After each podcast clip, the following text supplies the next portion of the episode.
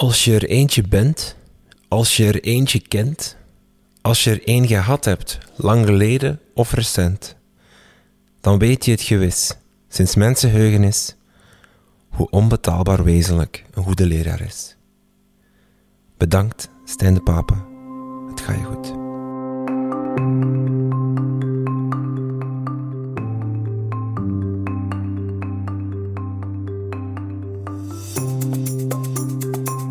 Hallo en welkom bij Buiten de Krijtlijnen. Mijn naam is Rinke van Hoek en dit is uw podcast over onderwijs.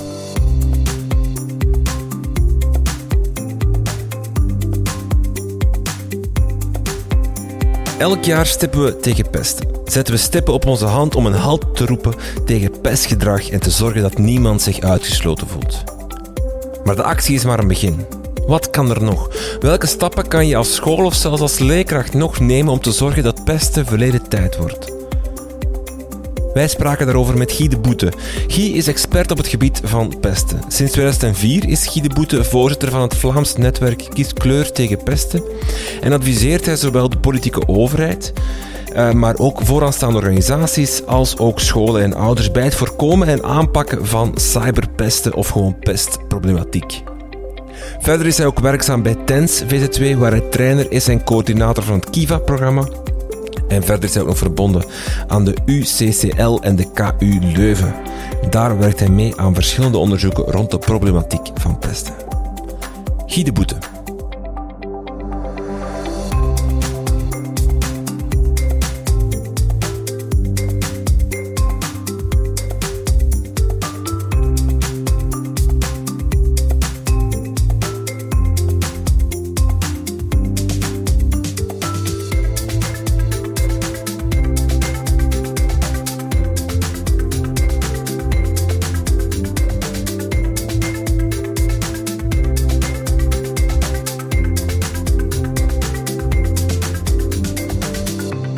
Guy eh, de Boete, welkom eh, in de podcast. Hallo. we gaan het hebben over pesten op school. Um, hoe hot is dit topic? Um, hoe, kan, u, kan u mij een beeld geven van, van hoe belangrijk of hoe, hoe, vaak het nog voorkomt dat er gepest wordt um, ja, in schoolcontext of waar dat onderwijs ermee te maken heeft? Want het is natuurlijk een, er wordt ook gepest buiten school natuurlijk. Maar, ja, ja, ja. maar pesten op school, hoe groot is dat thema nog? Ja. Ik denk dat we nog altijd mogen zeggen dat dat een zeer zorgelijk thema is. En het is belangrijk, als we gaan kijken naar de cijfers bijvoorbeeld, dan zien we dat uh, een groot internationaal onderzoek, waar we tussen 44 andere landen zitten, daar scoren we 1 op 6 van onze leerlingen tussen 10 en 18 jaar. En dus uh, 16,8 procent uh, van de leerlingen vermeldt in dat onderzoek dat ze de laatste twee maanden um, werden gepest. Dat is veel, hè? Dat is veel, maar je moet weten dat we toch van veel verder komen, want ongeveer tien jaar geleden, dan zat dat cijfer nog op 24,5. Dat was dat 1 op 4. Hè? Dus er is een belangrijke daling bezig, dat kan, kan misschien straks nog ter sprake komen. Um, 1 op 10 van de leerlingen heeft te maken met um, cyberpesten. Um, en dat is dan de totaalbeleving van de leerling. Ik bedoel, wat we gaan vragen, heb je een ervaring met iemand die u langs de, de huid vol scheldt of die een foto van u doorstuurt zonder dat je het wil. Heel individuele dingen, dan liggen die cijfers veel hoger als we die stuk voor stuk gaan bevragen.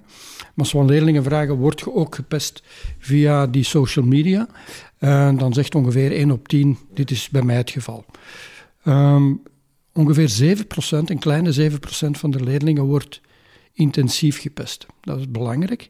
Want dat zijn de leerlingen eigenlijk die zeker voor uh, de samenleving op de radar zouden moeten komen, want dat zijn leerlingen die getekend, een groot risico hebben om getekend te blijven door wat er zich afspeelt. En dat is een andere manier om naar hetzelfde te kijken. Hoe laag moet dat percentage zijn als we onze handen er zouden van aftrekken, bijvoorbeeld? We gaan er nu niks meer hoeven om te doen, een school hoeft niks meer te doen. Ik denk dat dat niet serieus te zijn dat elk individu hier telt. Ja? En dat we daar niet echt in procenten moeten denken. En dat is de tweede, tweede antwoord op de vraag. Als we kijken welke impact pesten en cyberpesten op kinderen, jongeren en hun verdere ontwikkeling, hun levensloop heeft, dan weten we dat dat zeer aanzienlijk kan zijn. Ja? Dat is zeer zorgelijk eigenlijk. Het hoort bij die vormen van trauma's Uh, het kan tot een trauma leiden, maar het hoort dan tot die vormen van trauma's die vergelijkbaar zijn met iemand die uit oorlogsgebied komt. Sommige van de vluchtelingenkinderen op scholen uh, die, die, die zijn duidelijk getekend door wat ze daar hebben gezien, meegemaakt. Hè. Pesten heeft dezelfde nefaste impact eigenlijk op uw fysieke, mentale zijn. En gaat op die manier eigenlijk mogelijk uw, uw levensloop een stuk bepalen. Er is een belangrijk onderzoek in The Lancet uh, Psychiatry. En dat is een toptijdschrift, wetenschappelijk tijdschrift rond uh, psychiatrie. En daarin wordt bijvoorbeeld beschreven, um, um, men is dan gaan bekijken naar een groep van, jonge, van mensen sorry, die tijdens hun pril uh, stukje jeugd, van drie maand tot acht jaar, die daar te maken hebben gehad met fysiek en seksueel misbruik. En men is in de levensloop van die mensen gaan kijken van wat doet dit eigenlijk? Waar verschillen die levenslopen van de doorsnee persoon die dat niet heeft meegemaakt?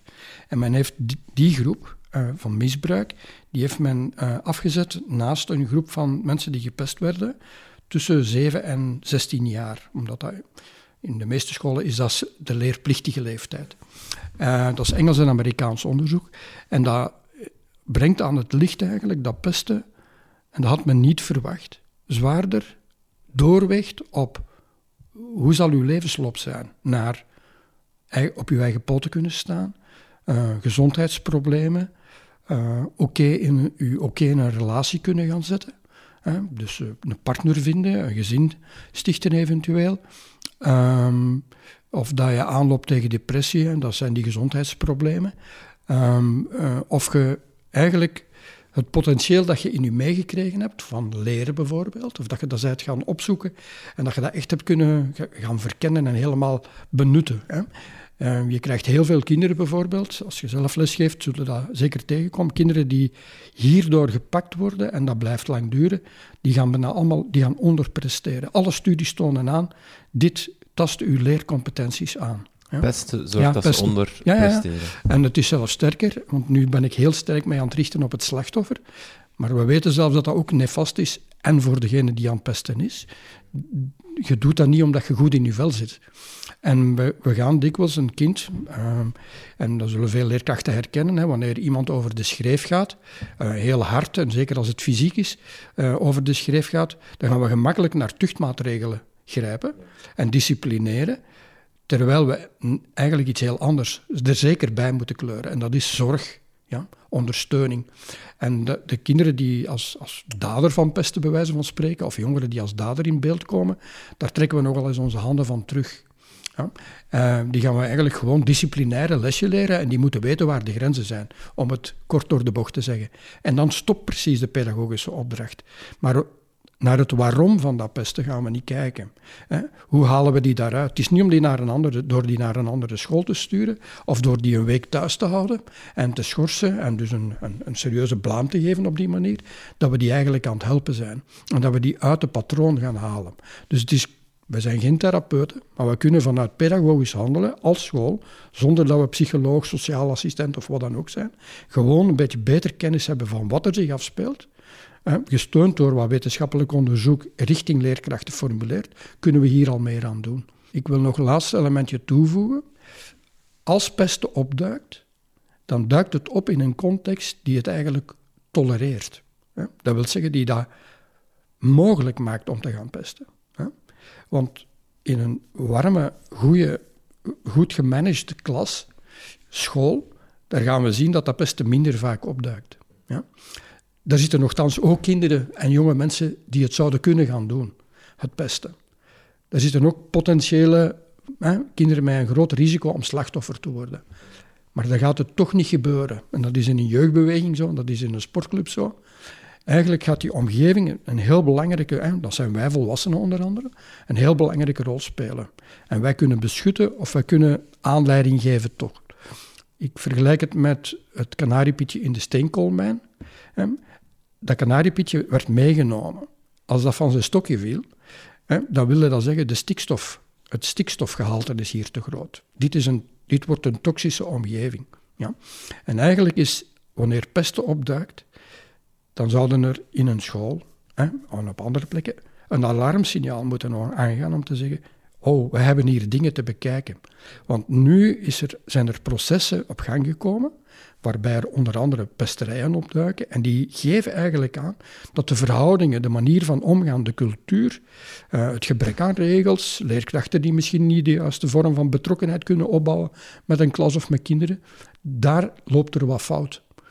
En die leerkrachten die hangen af van een team. En die, dat team dat hangt mij af van een onderwijsbeleid dat u faciliteert of steunt of niet.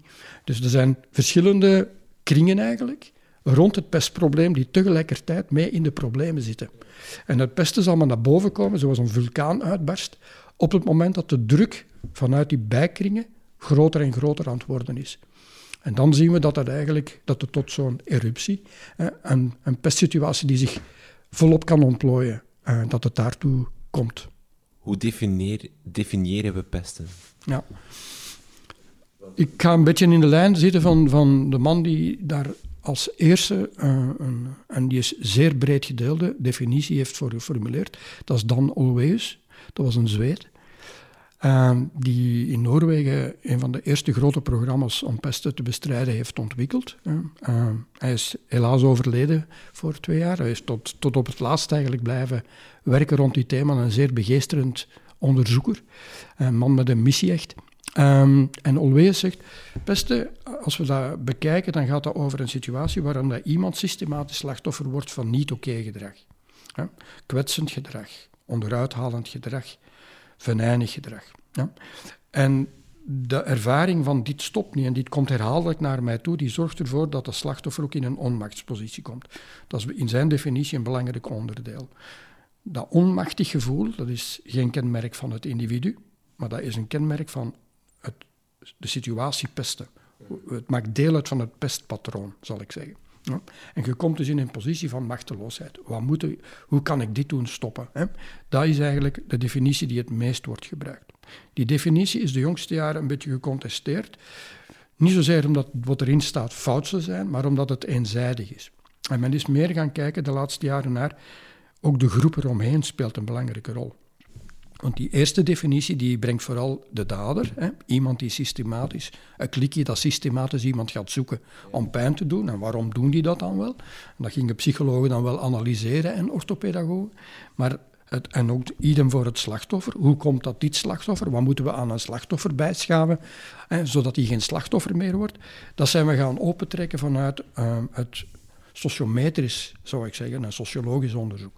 We zijn breder gaan kijken. En dan zien we dat eigenlijk de interactiepatronen die in zo'n pestklasse, pestgroep bezig zijn, dat die een, uh, een aanvullend licht werpen op wat pesten is. Pesten is iets dat in een groepscontext plaatsvindt. En binnen die groepscontext gaan individuen zich opstellen. In een veilige groep zien we meer verdedigende leerlingen. In een onveilige groep zien we meer kinderen die de kant, het kamp kiezen eigenlijk van de pester. Ja? Uh, dat wil zeggen dat het isolement voor het slachtoffer daar groter is. Ja? Dus we, je zou durven, of je zou misschien simpelweg kunnen zeggen, pesten bestaat uit twee partijen, namelijk de pester en iemand die gepest wordt, maar dat, er, is, er is een derde partij, namelijk de omstaanders, ja. en die kiezen ook eigenlijk een kant door ofwel te verdedigen of niets te doen, of mee te doen zelfs. Ja. En we zijn steeds meer bewust van het feit van hoe invloedrijk hè, die houding van die groep is. Ik ben zelf iemand die bijvoorbeeld een Fins programma dat zeer succesvol is. Hè. Als we naar bewezen effectiviteit gaat, is dat Kiva-programma, zo noemt dat, dan, uh, dan, dan scoort dat echt wel goed. Ja. En wat is men daar gaan bespelen? Wat ik net al een beetje ingeleid heb, is men daar gaan bespelen de kracht van de groep. We zijn samen verantwoordelijk dat pesten niet kan plaatsvinden. Ja. We kunnen dat samen doen stoppen. En die sensibilisering en dat oefenen met de kinderen op een zeer systematische manier. Dus echt niet met 1, 2, 3 teasers in een jaar, maar echt van, ja, dat is deel van het curriculum. We gaan hier werken rond sociale vaardigheden. We gaan naar onszelf kijken. We gaan leren hoe dat we opkomen voor onszelf en voor een ander. Uh, we gaan werken aan, ja, we zijn allemaal verschillend, maar hoe gaan we daarmee om? En hoe brengen we ruzies en conflicten eigenlijk op een gezonde manier naar boven? Enzovoort. Dat wordt getraind. Hè.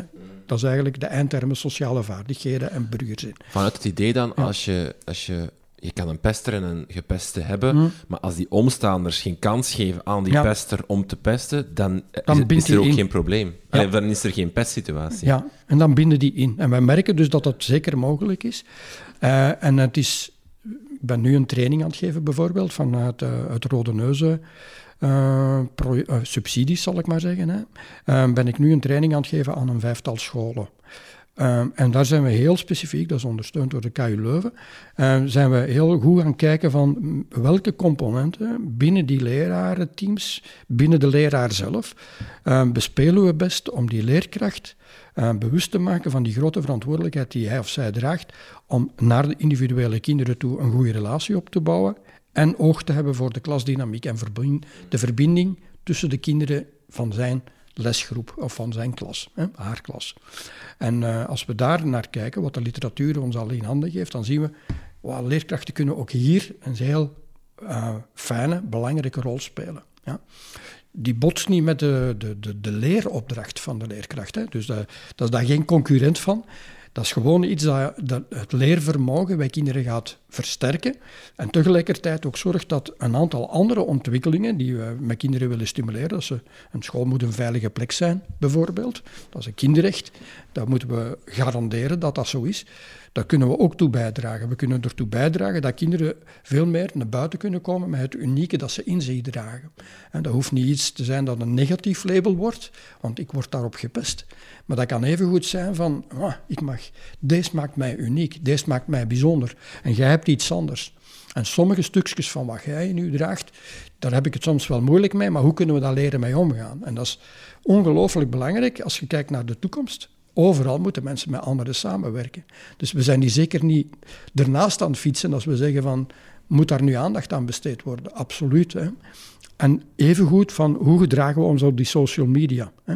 Want als vandaag, dat is gewoon, ja, eigenlijk moeten we zeggen, de sociale realiteit, die is meer lagig hè? En, en we zitten daar allemaal in. Hè? Ja, ons, ons gewone relaties die, van mensen die we tegenkomen en de online relaties, eigenlijk is dat flinterdun de grens daartussen. Ja? En dus als we gezond omgaan in de heel concrete manier van omgaan. Hè. Ik kom u tegen, ik zit in uw klas, uh, we praten en spelen met elkaar. Als dat daar oké zit, dan zien we dat dat zich uh, een gezonde repercussie heeft op hoe we ons ook op het internet gedragen. Ja. Ja.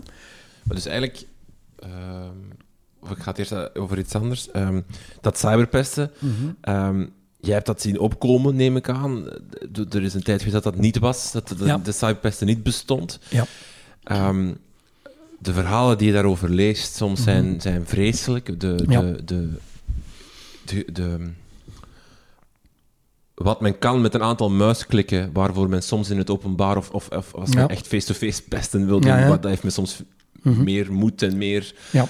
ehm, wat men kan met een aantal muisklikken is soms heel hard. ja. Hoe heeft u dat zien evolueren? Wat voor dimensie heeft dat op, op heel die pestproblematiek gelegd, dat cyberpesten voor u? Mhm. Dus we zijn het fenomeen pesten. eh, De eerste keer in Vlaanderen is het onderzocht in 2005, is het eerste rapport verschenen. Cyberpesten of gewoon Cyberpesten, pesten? ja. Dat is de eerste keer dat we het in kaart brachten. Toen wisten we nog niet heel goed van eh, hoe verhoudt het zich met het klassieke pesten. Eh, internationaal is men nu, eh, denk ik, ongeveer tot dat standpunt gekomen van we beschouwen dat als een variant van pestgedrag. En we gaan dat niet als een heel apart fenomeen nog bestuderen. hè. dus die technologie die doet wel iets, maar het belangrijkste kenmerk dat er toegevoegd wordt is het versterkt de power van de pester, pestklik. Ja. In die sociale omgeving waar we in zitten, en dat is, die is daar heel groot, hè, ehm, zien we dat er nog altijd dynamieken spelen die we in dat face-to-face pe- pesten of het reële pesten ook tegenkomen. Ik geef een voorbeeld. Ehm, in, de, in, een, in een klas op een speelplaats, middelbaar of basisonderwijs, maakt niet uit, zien we dat een, een belangrijk deel van de kinderen die pestend gedrag stellen, dat die dat eigenlijk op een nogal coole, hè, en dat wil zeggen ook doordachte manier eh, aan het doen zijn. Die zijn ja, de groep en het slachtoffer aan het bespelen. En die doen dat met macht, hè, door iemand onderuit te halen, systematisch onderuit te halen. En op die manier zichzelf meer in het middelpunt van die groep te plaatsen. Populair worden, status verwerven, eh, sociale voordeeltjes binnenhalen. Ik mag naar elk verjaardagsfeestje, ze durven niet anders. Hè. Maar ik lees dat wel van, ah, die vinden mij tof. Dus en zo krijgen we eigenlijk iets op gang dat heel lonend is voor degene die dat pestend gedrag stelt. Uh, op het internet is dat nog makkelijker, want daar zie je dus die likes binnenkomen. Hè? Of dat, dat er iets doorgetweet wordt. daar kun je eigenlijk lezen hoe populair dat je bent. Hè? Uh, kinderen zijn er ook echt onbeducht, hè? want ze houden dat in doog. Iets dat niet geliked wordt op TikTok, dat gaan ze er terug af proberen te gooien. Hè? Dus, of op Instagram. Daar merk je zo van, die ogen zijn heel sterk gericht op die anderen. Wel de pesters, die strategische pesters, die koudbloedige pesters zou je kunnen zeggen, die zijn daar heel erg mee bezig. Ja? En dat is een belangrijke reden. Als ze dus naar social media overgaan, als we cyberpesten gaan gebruiken, dan versterkt dat eigenlijk die zoektocht naar erkenning. En die, dat gevoel van macht te hebben en invloed te hebben. Bij een aantal andere kinderen uh, zit er een andere beweegreden achter hun pestgedrag. En dat kan it's, it's boring. Hè? Dus we zijn ons aan het vervelen, we weten niet goed wat doen en we gaan een beetje fun maken. En we beslissen hier in de klein klikje, we gaan die proberen te jennen. Ja? En dat kan je op een speelplaats doen, dat kan je op weg naar huis doen, uh, kan je op de bus doen, uh, maar je kan dat ook op het internet doen. Maar hier zit al dat vermedelen, dat heel fundamenteel, waarom heb ik dat nodig? Dat is hier anders, dat is oppervlakkiger. Dat is makkelijker te bespelen door een school, door leerkrachten, door ouders. En je hebt ook kinderen uh, en die hebben er geen fun aan. Die overgaan naar pestend gedrag, um, omdat ze geleerd hebben: niemand gaat mij hier helpen. Het enige dat ik nog kan doen is eigenlijk zelf in de aanval gaan. Ja. Dat wil zeggen dat er, er zijn in een vroeger stadium, waar die zelf slachtoffer waren, um, is er niks opgedoken dat structureel hielp. Dat zorgde dat het stopte. Uh, er waren geen leeftijdsgenoten die mij zijn gaan beschermen. Integendeel, mijn vriendjes en vriendinnetjes zijn zelfs overgelopen naar het andere kamp. Uh, er zijn ouders, volwassenen die normaal, hè, leerkrachten, die signalen zouden toch moeten opmerken. Want kijk eens wat ze hier met mij doen, maar die, die zeggen van, je moet daar tegen kunnen, je moet een beetje harder worden. Zo erg is het nu toch ook niet. Hè? En die, dus dat wordt een beetje geminimaliseerd. En dan zijn er kinderen die spijtig genoeg daarom die keuze maken, de sprong maken naar het daderschap.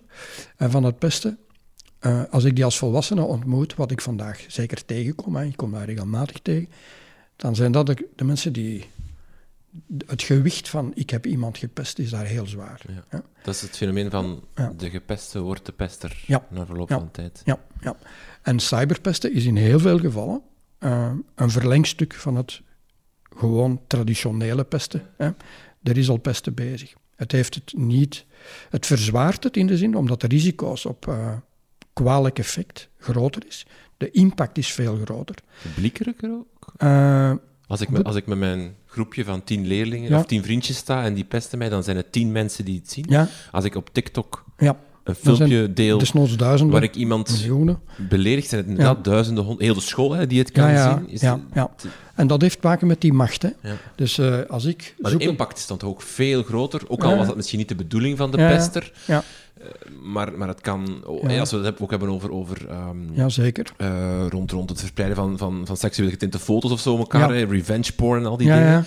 Uh, de impact daarvan is toch gigantisch veel groter dan iemand op de mhm. speelplaats in een klein groepje aanpakken, zal ik maar zeggen. En dat is eigenlijk die, dat is die machtsfactor. Hè? Want wat voelt je aan, als ik die machtsfactor nu eens even bij het slachtoffer ga bekijken, dan voelt je dat hier zo het controleverlies van het slachtoffer nog groter is dan bij het traditionele pesten. En dus als dat controleverlies groter is, zegt dat iets over de toenemende macht en invloed en power van degene die dan pestend gedrag aan het stellen is. Is dat altijd intentioneel? Ik denk dat we moeten rekening mee houden dat er een aantal jongeren zijn die de, niet doorhebben hoe groot de invloed is en de impact van de social media. Dus als je daar met een kinderbrein of een jeugdbrein naar kijkt, dan zijn we meer bezig met wat levert dat bij mijn vrienden op.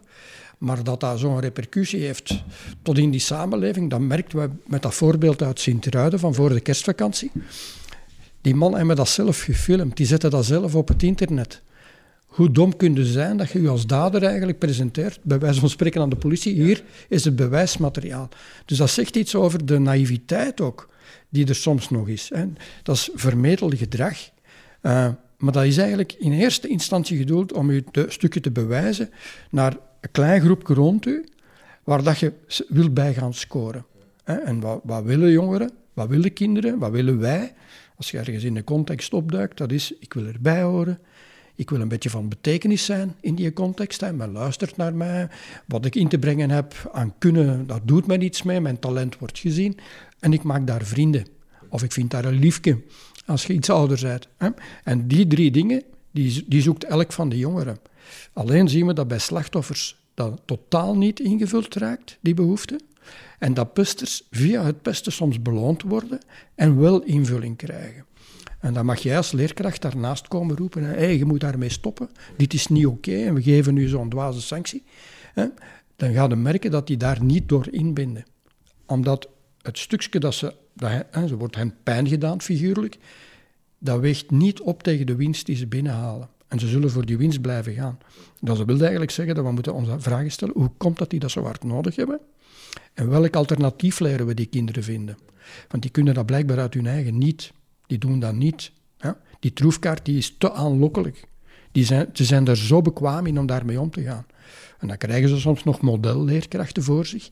Hè? Uh, rolmodellen bedoel ik, die hen willen overtreffen in macht. Door hun disciplinering. die dan, we gaan nu eens een lesje leren. Ik ga u eens voor schut zetten voor de klas. Ja, zo, ja. Ik ga u aan de schandpaal nagelen voor de groep. Zou je dat ook pesten noemen? Leerkrachten die dat Als die dit systematisch doen, noem ik dat Die zo, in de klas leerlingen er even uithalen en, en, of, of, of belachelijk maken of, of inderdaad voor schut zetten? dat is eigenlijk machtsmisbruik. Ja. Ja, dat noem ik machtsmisbruik.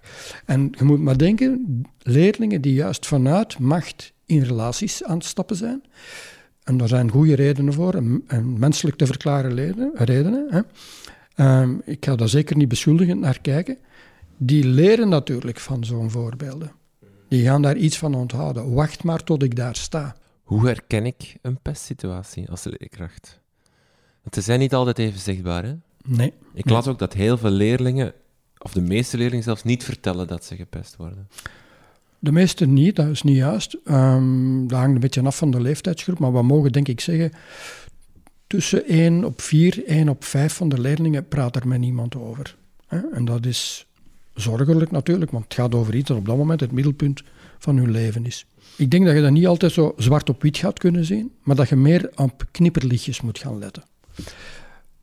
Als ik les gaf, of als jij, als jij les geeft, dan zijn zo dingen die boven komen drijven is, uh, ik doe een groepswerk. Ik heb dat niet sterk geïnstrueerd van hoe gaan die groepjes gevormd worden. Want ik heb vertrouwen in mijn groep, die gaan dat wel kunnen. En dan mijn zintuigen openzetten en zien, wat gebeurt er nu? Ik kan dat eigenlijk experimenteel ook eens doen in een klas, bij wijze van spreken. En dan zie je eigenlijk hoe dat verhoudingen zitten. Raakt iedereen vlot in een groepje? Worden er geen negatieve tegenreacties gegeven. Vooral turnleerkrachten die dit stukje verwaarlozen van dat zelf te organiseren, die gaan tegenkomen, en dat is echt in ongelooflijk veel pestverhalen te lezen. Hè. Dat waren de rotste momenten, zeggen die volwassenen. Want dan stond ik altijd als laatste. Ik kon nergens bij. Hè. Dus dat zijn opvallende signalen. Ehm, dus ik denk dat dat een belangrijke is. Hoe zit die groep in elkaar? Een tweede ding. Als de polarisering, je moet naar een kamp. Het kamp van de pester. Of toch nog solidair met het slachtoffer. Daar ga je moeten tussen kiezen. Ja? Als je naar een kamp gejaagd wordt en als die polarisering zich toont in een klas, jij stelt een open vraag. We gaan het eens over een iets meer persoonlijk thema hebben. Ik zou nu graag jullie heel creatief even uit de bol willen zien gaan. Dat moet het durven, want dat is niet zoiets makkelijk. Um, van zodra het die richting uitgaat, ik wil nu iets spontaan zien, ik wil iets authentiek zien, ik wil uh, durf hè, lezen in jullie als groep, dan komt dat er niet. Dan gaan een paar figuren de toon zetten en de rest gaat eigenlijk in het gelid. Ja, en die volgen dat. En in het spontane, in het heel open, ik gaf godsdienst ooit, er komen geen transparante open gesprekken op dat moment. Je hoort maar een aantal stemmen en dan vaak de, de pesters, hoor je dan? Je hoort de, de naïefste, hè? dus eerlijk naïef, die, die, het, die willen het voor jou nog altijd blijven doen, maar die weten eigenlijk niet goed dat ze hun vuil aan het riskeren zijn door zo transparant te zijn. En die zetten bij wijze van spreken hun Facebook helemaal open, door open te antwoorden en dan gaan er anderen daarna commentaren geven daarop of dat misbruiken. Ja, de queen bee van de klas die heeft dan informatie waar ze mogelijk nog iets kan mee gaan doen, om die voor haar kar, te spannen. Ja? En dus onveilig gedrag. Hè? En dus de, de, de kramp, het onderkoelden eigenlijk van van dat spel tussen leerkracht met de leerlingen. Dat is er dan. Er komt niet uit wat je er eigenlijk van verhoopt. Ja. Een ander ding dat je kunt tegenkomen, dat je signalen gaat opvangen van niet welbevinden, omdat een leerling te laat toekomt, morgens op school bijvoorbeeld. Die gaat proberen de eerste trieste periode, namelijk die recreatietijd voor de bel gaat, die gaat die proberen te vermijden. En dan is het interessanter dat je maar binnenkomt op het moment dat de bel al heeft gegaan. En uh, dat is een signaal. Als, een, als het, secretariaat van een secundaire school vaststelt dat iemand systematisch net te laat binnenkomt, uh, en die ziet er niks meer in om dan smiddags ook nog in de studie te moeten zitten, die spaart eigenlijk snel op om daar telkens naartoe te kunnen, dan moet je met zo'n leerling toch eens gaan praten, denk ik. Want dan is er een heel grote kans dat hij die speelplaats vermijdt. En dat hij blij is met de middagstudie die hem aangesmeerd wordt. Omdat dat dan terug een gecontroleerde middag wordt en niet een jungle hè, middag, uh, waar dat je op die speelplaats moet overleven. Ja. Dat zijn een aantal van de signalen, maar ook signalen die je nog tegenkomt. Ik heb die al gezegd, hè, die punten die plots beginnen te dalen. Uh, een kind dat zich niet meer goed voelt. Uh, er kunnen andere signalen die een turnleerkracht weer kan zien. Zelfkwetsing bijvoorbeeld. Hè. je kunt ook bulimisch, anorectisch gedrag gaat, makkelijker kunnen opmerken. Je gaat het zeker merken als je in een onveilige groep zo'n slachtoffer voor de klas brengt. De reacties van de klas op die presentatie. Ja. En je gaat merken dat, dat, dat, dat de jongere, dat kind, hè, ik, neem een, een banaal voorbeeld in een tunnelles, je moet gewoon met een bal naar elkaar gooien. Ja, uh, om balvaardigheid te versterken in het begin. En dan straks gaan we handbaloefeningen doen of volleyballoefeningen zelfs die bal gewoon aan moeten pakken, dat wordt een verkrampte situatie. Dat, dat is iets dat voor zo iemand moeilijk wordt. In de film Un Monde, hè, die nu die, die mogelijk, daar, daar komt een situatie in, in een turnles waar een kind over een balkje moet lopen. Dat balkje staat laag bij de grond. Er is daar echt niet zoveel aan, maar het gaat niet lukken. Je weet er op voorhand dat het niet gaat lukken. Dat is echt uit het leven gegrepen. Interessant dat u die film, ik heb hem nog niet gezien, maar hij wordt ik weet niet wat door de regisseur zelf is, maar een oorlogsfilm op de speelplaats wordt hij omschreven. Mhm. Ehm, ja. Toont het ook aan wat... Ja. Het is wat u beginnen zei, van het is echt... Ja. Het, is, het is terreur.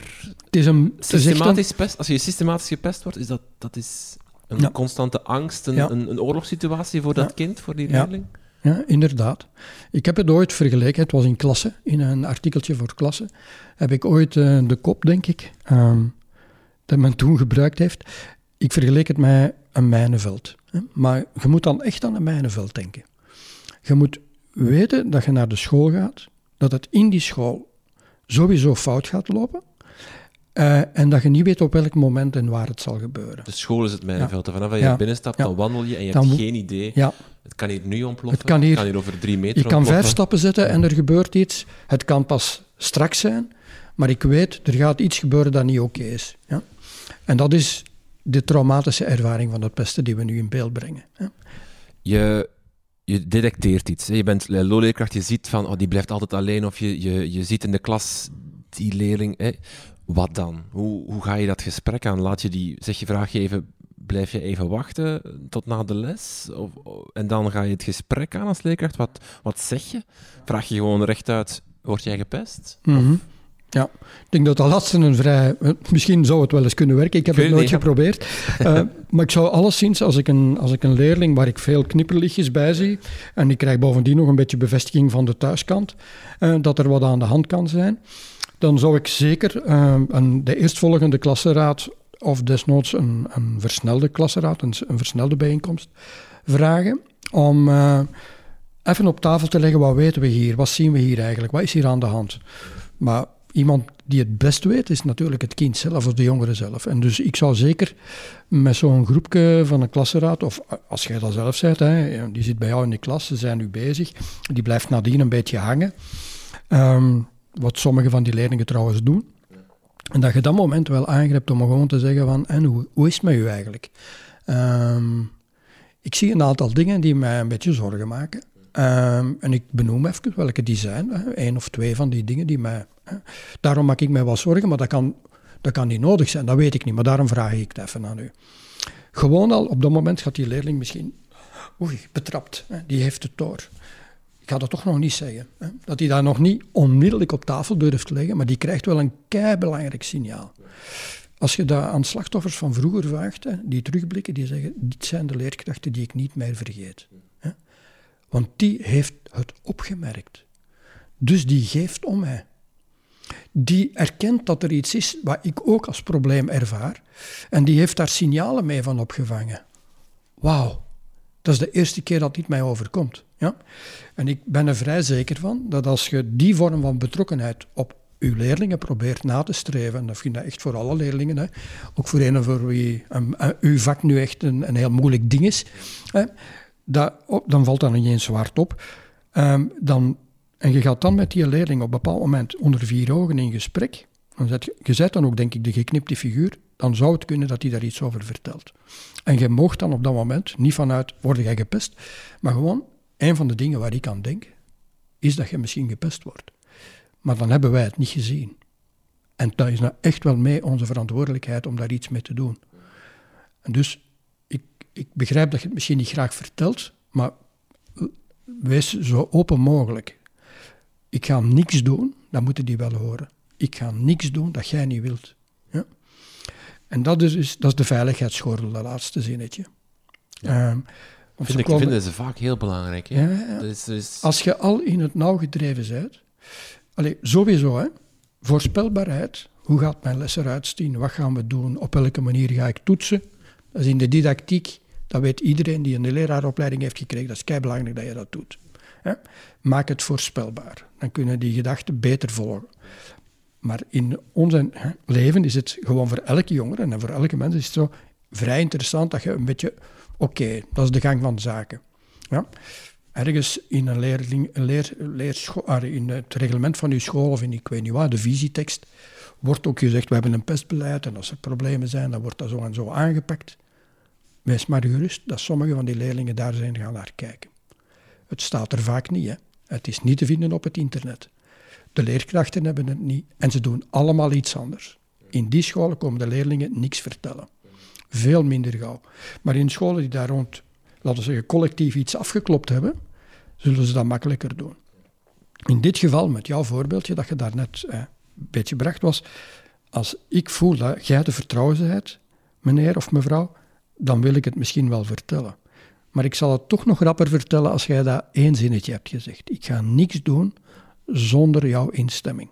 Ja? Wat ik ook hoor is dat je, als je iemand wil confronteren is nu een groot woord, maar als je iemand wilt, ja, even wil vragen van, ik denk dat er iets mis is, dat je vanuit die ik-persoon moet praten en zeggen van, ik denk dat dit aan de hand is. Ik kan fout zijn, dus verbeter me, maar ik denk dit. Dat je niet zegt van, jij, dat je niet, de, ook al bedoel je het goed, de, de, de, de wijzende vinger hebt van, jij, jij, jij voelt je niet goed, hé. Hey. Nee, nee, nee. Dat is je moet vanuit ik spreken. Heel, heel terecht. Uh, um, en ik denk ook, blijf zeker uit het oordelende. Hè? Um, van zodra dat je begint te oordelen, ook als je met een pester begint te praten, of iemand die mogelijk mee pester is, blijf uit dat oordelende. Uh, en stel je ogen en je oren heel goed open, je zintuigen open, om te horen wat is er aan de hand. Uh, ik zeg dat ook met betrekking tot de pester, omdat pestsituaties complex zijn. En meedoen met pesten, uh, meegelachen hebben, eventueel zelfs de tikken hebben uitgedeeld of iets verstuurd hebben, betekent niet dat jij de sleutelfiguur bent van het hele gebeuren. Een goede queen bee, die gaat iemand anders het vuile werk laten doen. Ja. Uh, een, een, iets of gewikste leider van het pestgebeuren, die gaat mogelijk de onnozele Hans, die hij altijd voor zijn kar kan spannen, het vuile werk laten doen. Zoals in de slechterik in de film, die zelden ook uh, ja, Die wordt ermee ingetuind. Ja. Uh, en, en die is die zit heel dicht tegen de slachtofferrol aan. in sommige gevallen. Dus ik zou dat niet beoordelend, hè, maar vooral luisterend naar kijken. En, en soms gaat het tot uw verbijstering moeten zingen, wauw, hoe hard zit, zit dat kind in elkaar dat voor mij zit, hè, die jonge mens. Hoe is dat mogelijk? Die, die, die heeft totaal geen gevoeligheid voor wat er aan de hand is. Ja?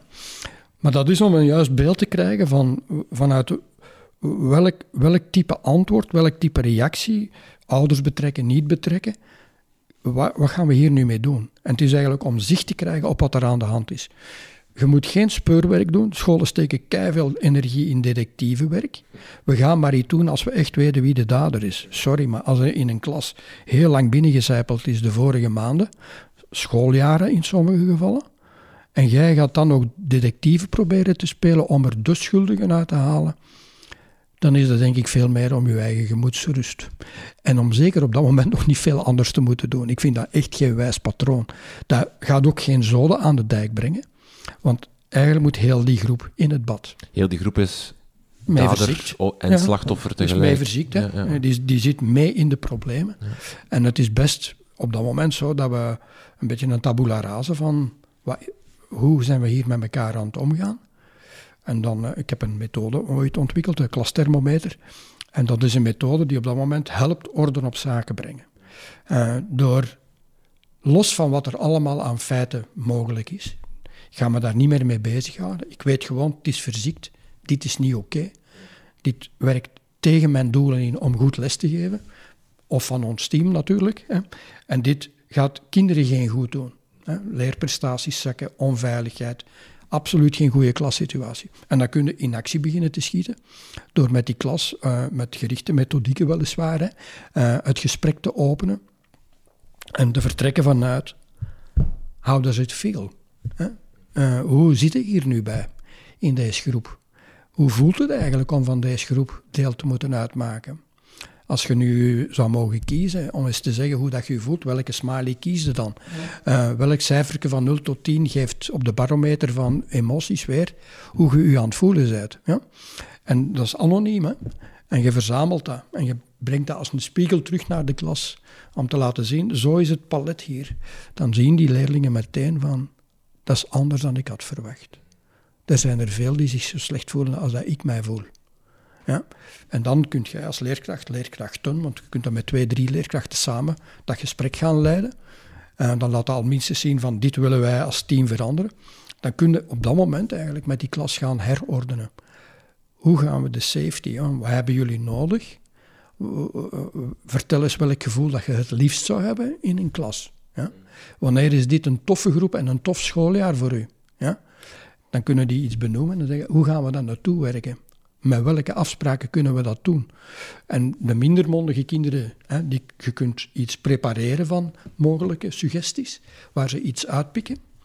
Uh, maar je kunt met mondige, wijze kadets, uh, lager of secundair, kun je eigenlijk zeggen, kom er zelf mee op de proppen. Ja? Maar die moeten dat wel individueel doen. En om het nog harder te maken, gaan we, wanneer we afgeklopt hebben dat we bijvoorbeeld drie afspraken hebben, gaan we een individueel engagementskaartje laten maken. Een verbindeniskaartje. Ik ga dit doen om die afspraken te doen lukken. Ja? Ik ga dat doen zelf om te zorgen dat die klas de klas wordt waar we nu over gesproken hebben. Ja? En dat wordt dan de basis voor een opvolggesprek. Hè? Want je krijgt dat niet geturnd in 1, 2, 3. Hè? Dus de opvolging die is eigenlijk altijd cruciaal. Maar die toont dan ook van, die geven ons niet op die willen echt dat wij een toffe groep worden. dus die, die, dat aanklampend, positief verwachtend patroon dat die leerkrachten dan installeren, dat zo'n klassenraad installeert, dat is kei belangrijk om naar die verandering te gaan. Stel je hebt ehm, een duidelijke situatie van, van mm pester en gepesten. Mm Zou je toch altijd je moet altijd die, die context daarbij pakken. Hè. Die omstaanders die moeten mee in dat verhaal. Hè. Dus je moet altijd zo'n soort van klastermometer of, of gaan kijken van hoe, hoe komt het dat die situatie is kunnen ontstaan. Mhm. Maar doe je dan nog iets met die relatie pester-gepeste? Ga je daar nog dieper op in? Mhm. Op het moment dat duidelijker is hè, ehm, waar de behoefte van het slachtoffer zit. Hè, ik voel mij totaal onveilig. Ik kan die speelplaats eigenlijk, ik durf die bijna niet meer op. Hè. Bepaalde lessen vind ik horrible. Hè. En waarom zijn die zo horrible geworden? Wat, is daar, wat speelt er dan? Als je dan doorpraat met dat slachtoffer face-to-face, dan kun je daaruit gaan destilleren, dit is eigenlijk waar die tegenaan loopt. Dat, heeft hij eigenlijk, dat is die aan het vragen. Je kunt dat aftoetsen door dat terug te koppelen even. En als je daar zekerheid van hebt, van ik wil er op de speelplaats, ik wil niet meer dat ik daar alleen moet rondtolen en nergens bij niemand kan gaan staan, dan is dat iets heel concreet dat je in handen kunt gaan nemen. En, en moet dan, invullen ook? Je moet de behoeftes van het slachtoffer... dus dan weet je van, dat alleen zijn, dat is eigenlijk hetgeen dat triggert. Hè? Dat, dat geeft die, dat eenzaam gevoel, dat ik wil hier weggevoel, dit is niet oké, deze plek is niet goed. Maar van zodra ik terug ergens bij hoor en ik word betrokken in een spel, dat zijn die basisbehoeften, erbij horen enzovoort. Dus als daar al invulling aan gegeven wordt, dan kan ik terug ademen. Dan win ik terug een stukje. Dus als we dat weten, dan kan ik, wanneer ik face-to-face met een kind dat de sleutelrol heeft gespeeld, omdat hij een leidersfiguur is in het pesten bijvoorbeeld. De anderen hebben meegedaan. Hè. Er is meer verantwoordelijkheid dan alleen met die figuur. Maar ik ga toch met die speelfiguur apart bekijken. Welk engagement wil jij opnemen om ervoor te zorgen dat die dit doet? Dat kan zijn dat er een tuchtmaatregel ergens uitgesproken is. Maar naast die tuchtmaatregel ga ik iets doen met de sorrykant. Je hebt u te pardoneren. Uh, hoe je dat formuleert, dat gaat er met je pa en je ma, met vrienden.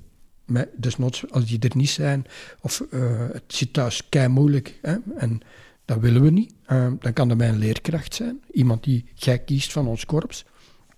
Iemand van het secretariaat, iemand bij, met wie dat jij toch een klik hebt. En dan gaat je die sorrybrief maken. Ja? Dat is de persoon die die naleest, meebekijkt, met u bespreekt. Ja? Die sorrybrief is er. Die sorrybrief wordt, we gaan daar op voorhand over nadenken. Gaat het die, hè, voorspelbaarheid is ook hier belangrijk. Dat is een, in een bepaald moment gaan we het slachtoffer en de ouders uitnodigen en dan ga jij die sorrybrief voorlezen. Ja. Dat kan ook zijn dat het dit niet wordt en dat het is, ik kom voor de klas en ik ga voor de klas, ik die de leider van een belangrijk deel van die klas ben, ik ga voor die klas die sorrybrief voorlezen. En dat is allemaal eerst afgetoetst welke formule is wenselijk en kan jij aan. Ja? En we gaan alles doen om u te helpen om dat aan te kunnen. Dus dat is die zorgen die we blijven Voor beide partijen? Ja, ja, voor beide partijen. Uh, ik denk dat dat heel belangrijk is. Want als de slachtoffer zegt, het is voor mij oké, is dat onder vier ogen gebeurt, ah, onder zes ogen, want ik ben er dan bijvoorbeeld als leerkracht wel bij, dan, dan is dat onder zes ogen. Ja? Want als dader lijkt me Mhm. Ook gigantisch impact om, om een brief te schrijven waarin je sorry zegt, ook al voel je dat misschien wel heel hard, maar dat, mm -hmm. wat je daarnet mm zei van niemand pest zomaar, dat heeft een... Ja. Er zit iets achter.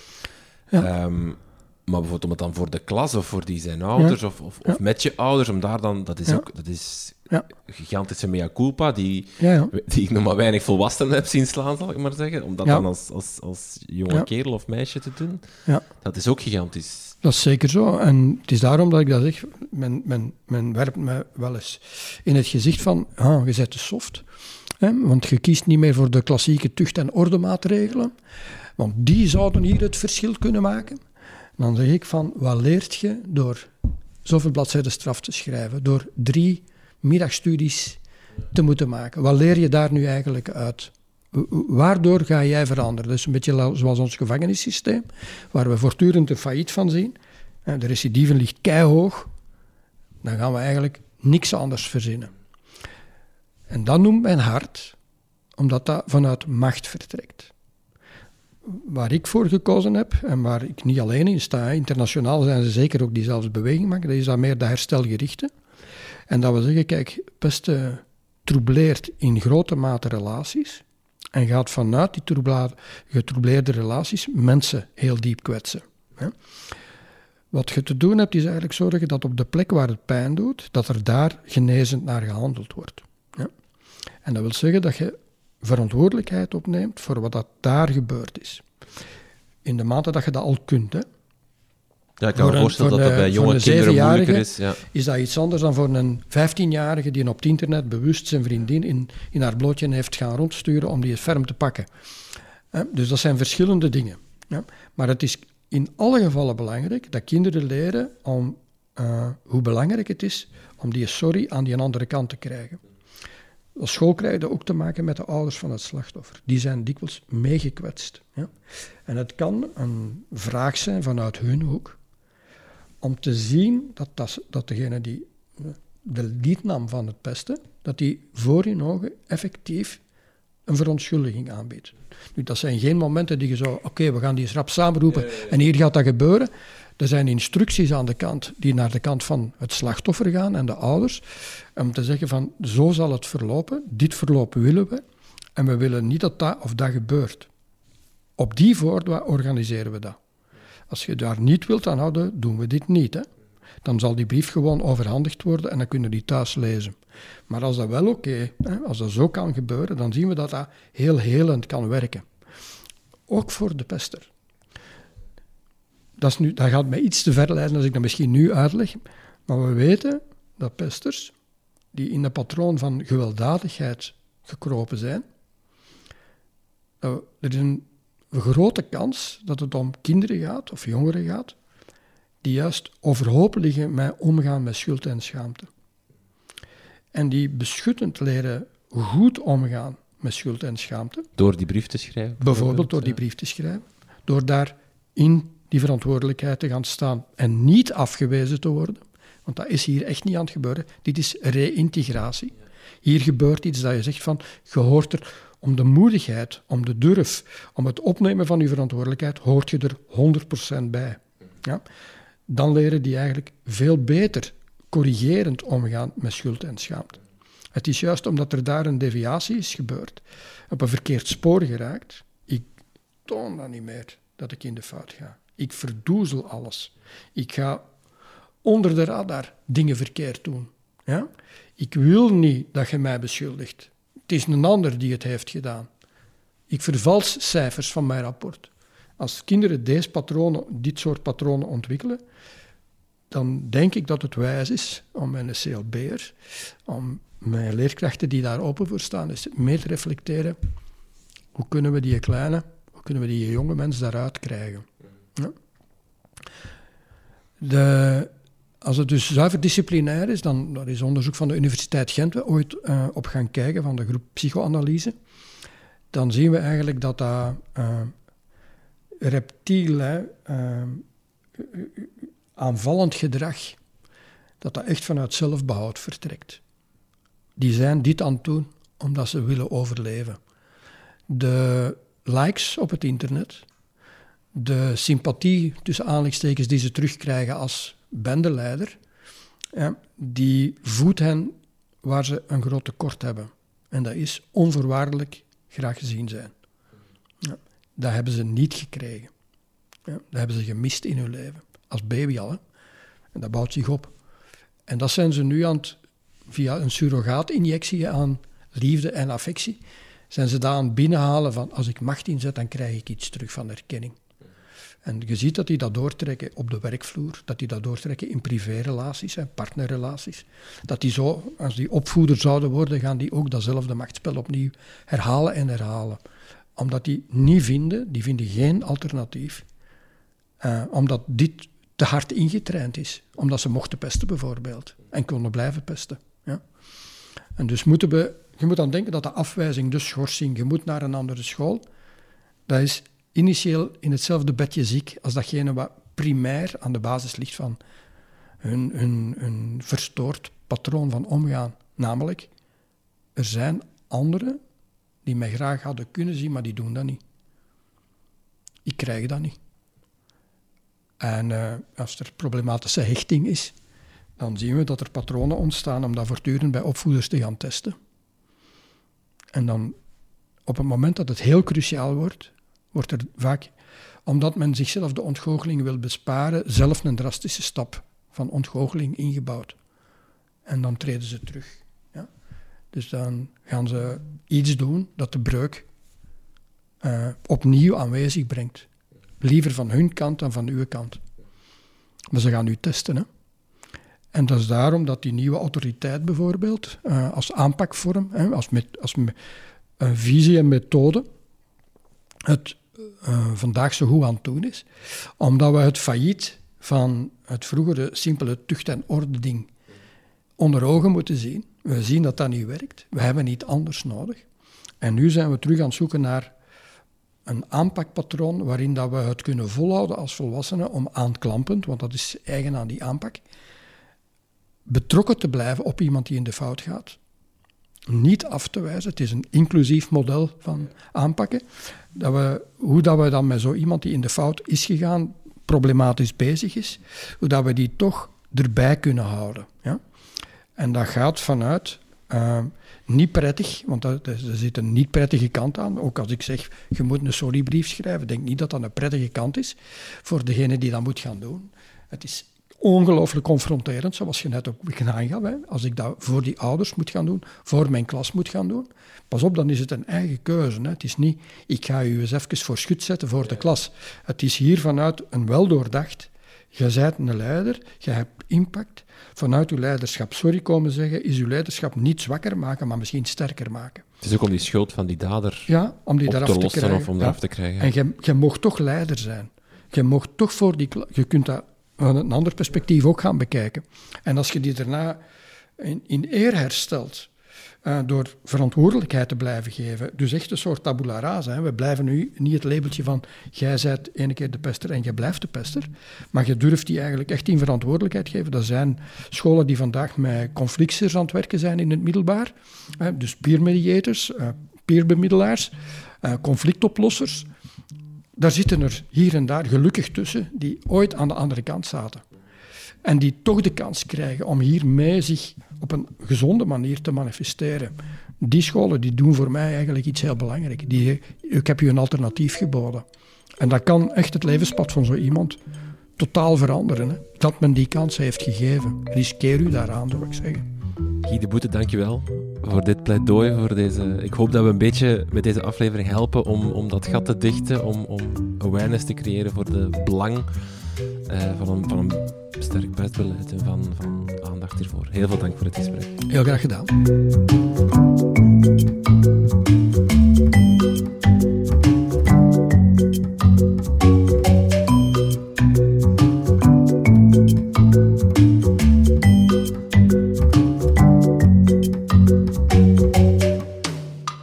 Dit was het dan weer voor deze aflevering van Buiten de Krijtlijnen. Blijf op de hoogte van onze plannen en nieuwe afleveringen via Twitter, Facebook of Instagram. Een lijst van al onze voorgaande afleveringen vind je op www.dekrijtlijnen.be. Ook u kan helpen om deze podcast beter te maken en te ondersteunen. Dat doe je door een vriend van de show te worden. Via onze website kan je vriend van de show worden en een donatie doen. Dat kan een donatie zijn, maar dat kan ook op maandelijkse basis. Dan doneer je 2,5 euro per maand. Surf dus naar www.kredietlijnen.be en haal even die bankkaart boven en steun ons. Je krijgt dan ook toegang tot exclusieve bonusafleveringen. Je kan ook een recensie achterlaten in de Apple Podcast app. Dat is altijd leuk voor ons om te lezen, maar ook help je zo om anderen de podcast te vinden. Ook in Spotify kan je nu recensies achterlaten. Laat je volledig gaan. Dank voor het luisteren en tot de volgende.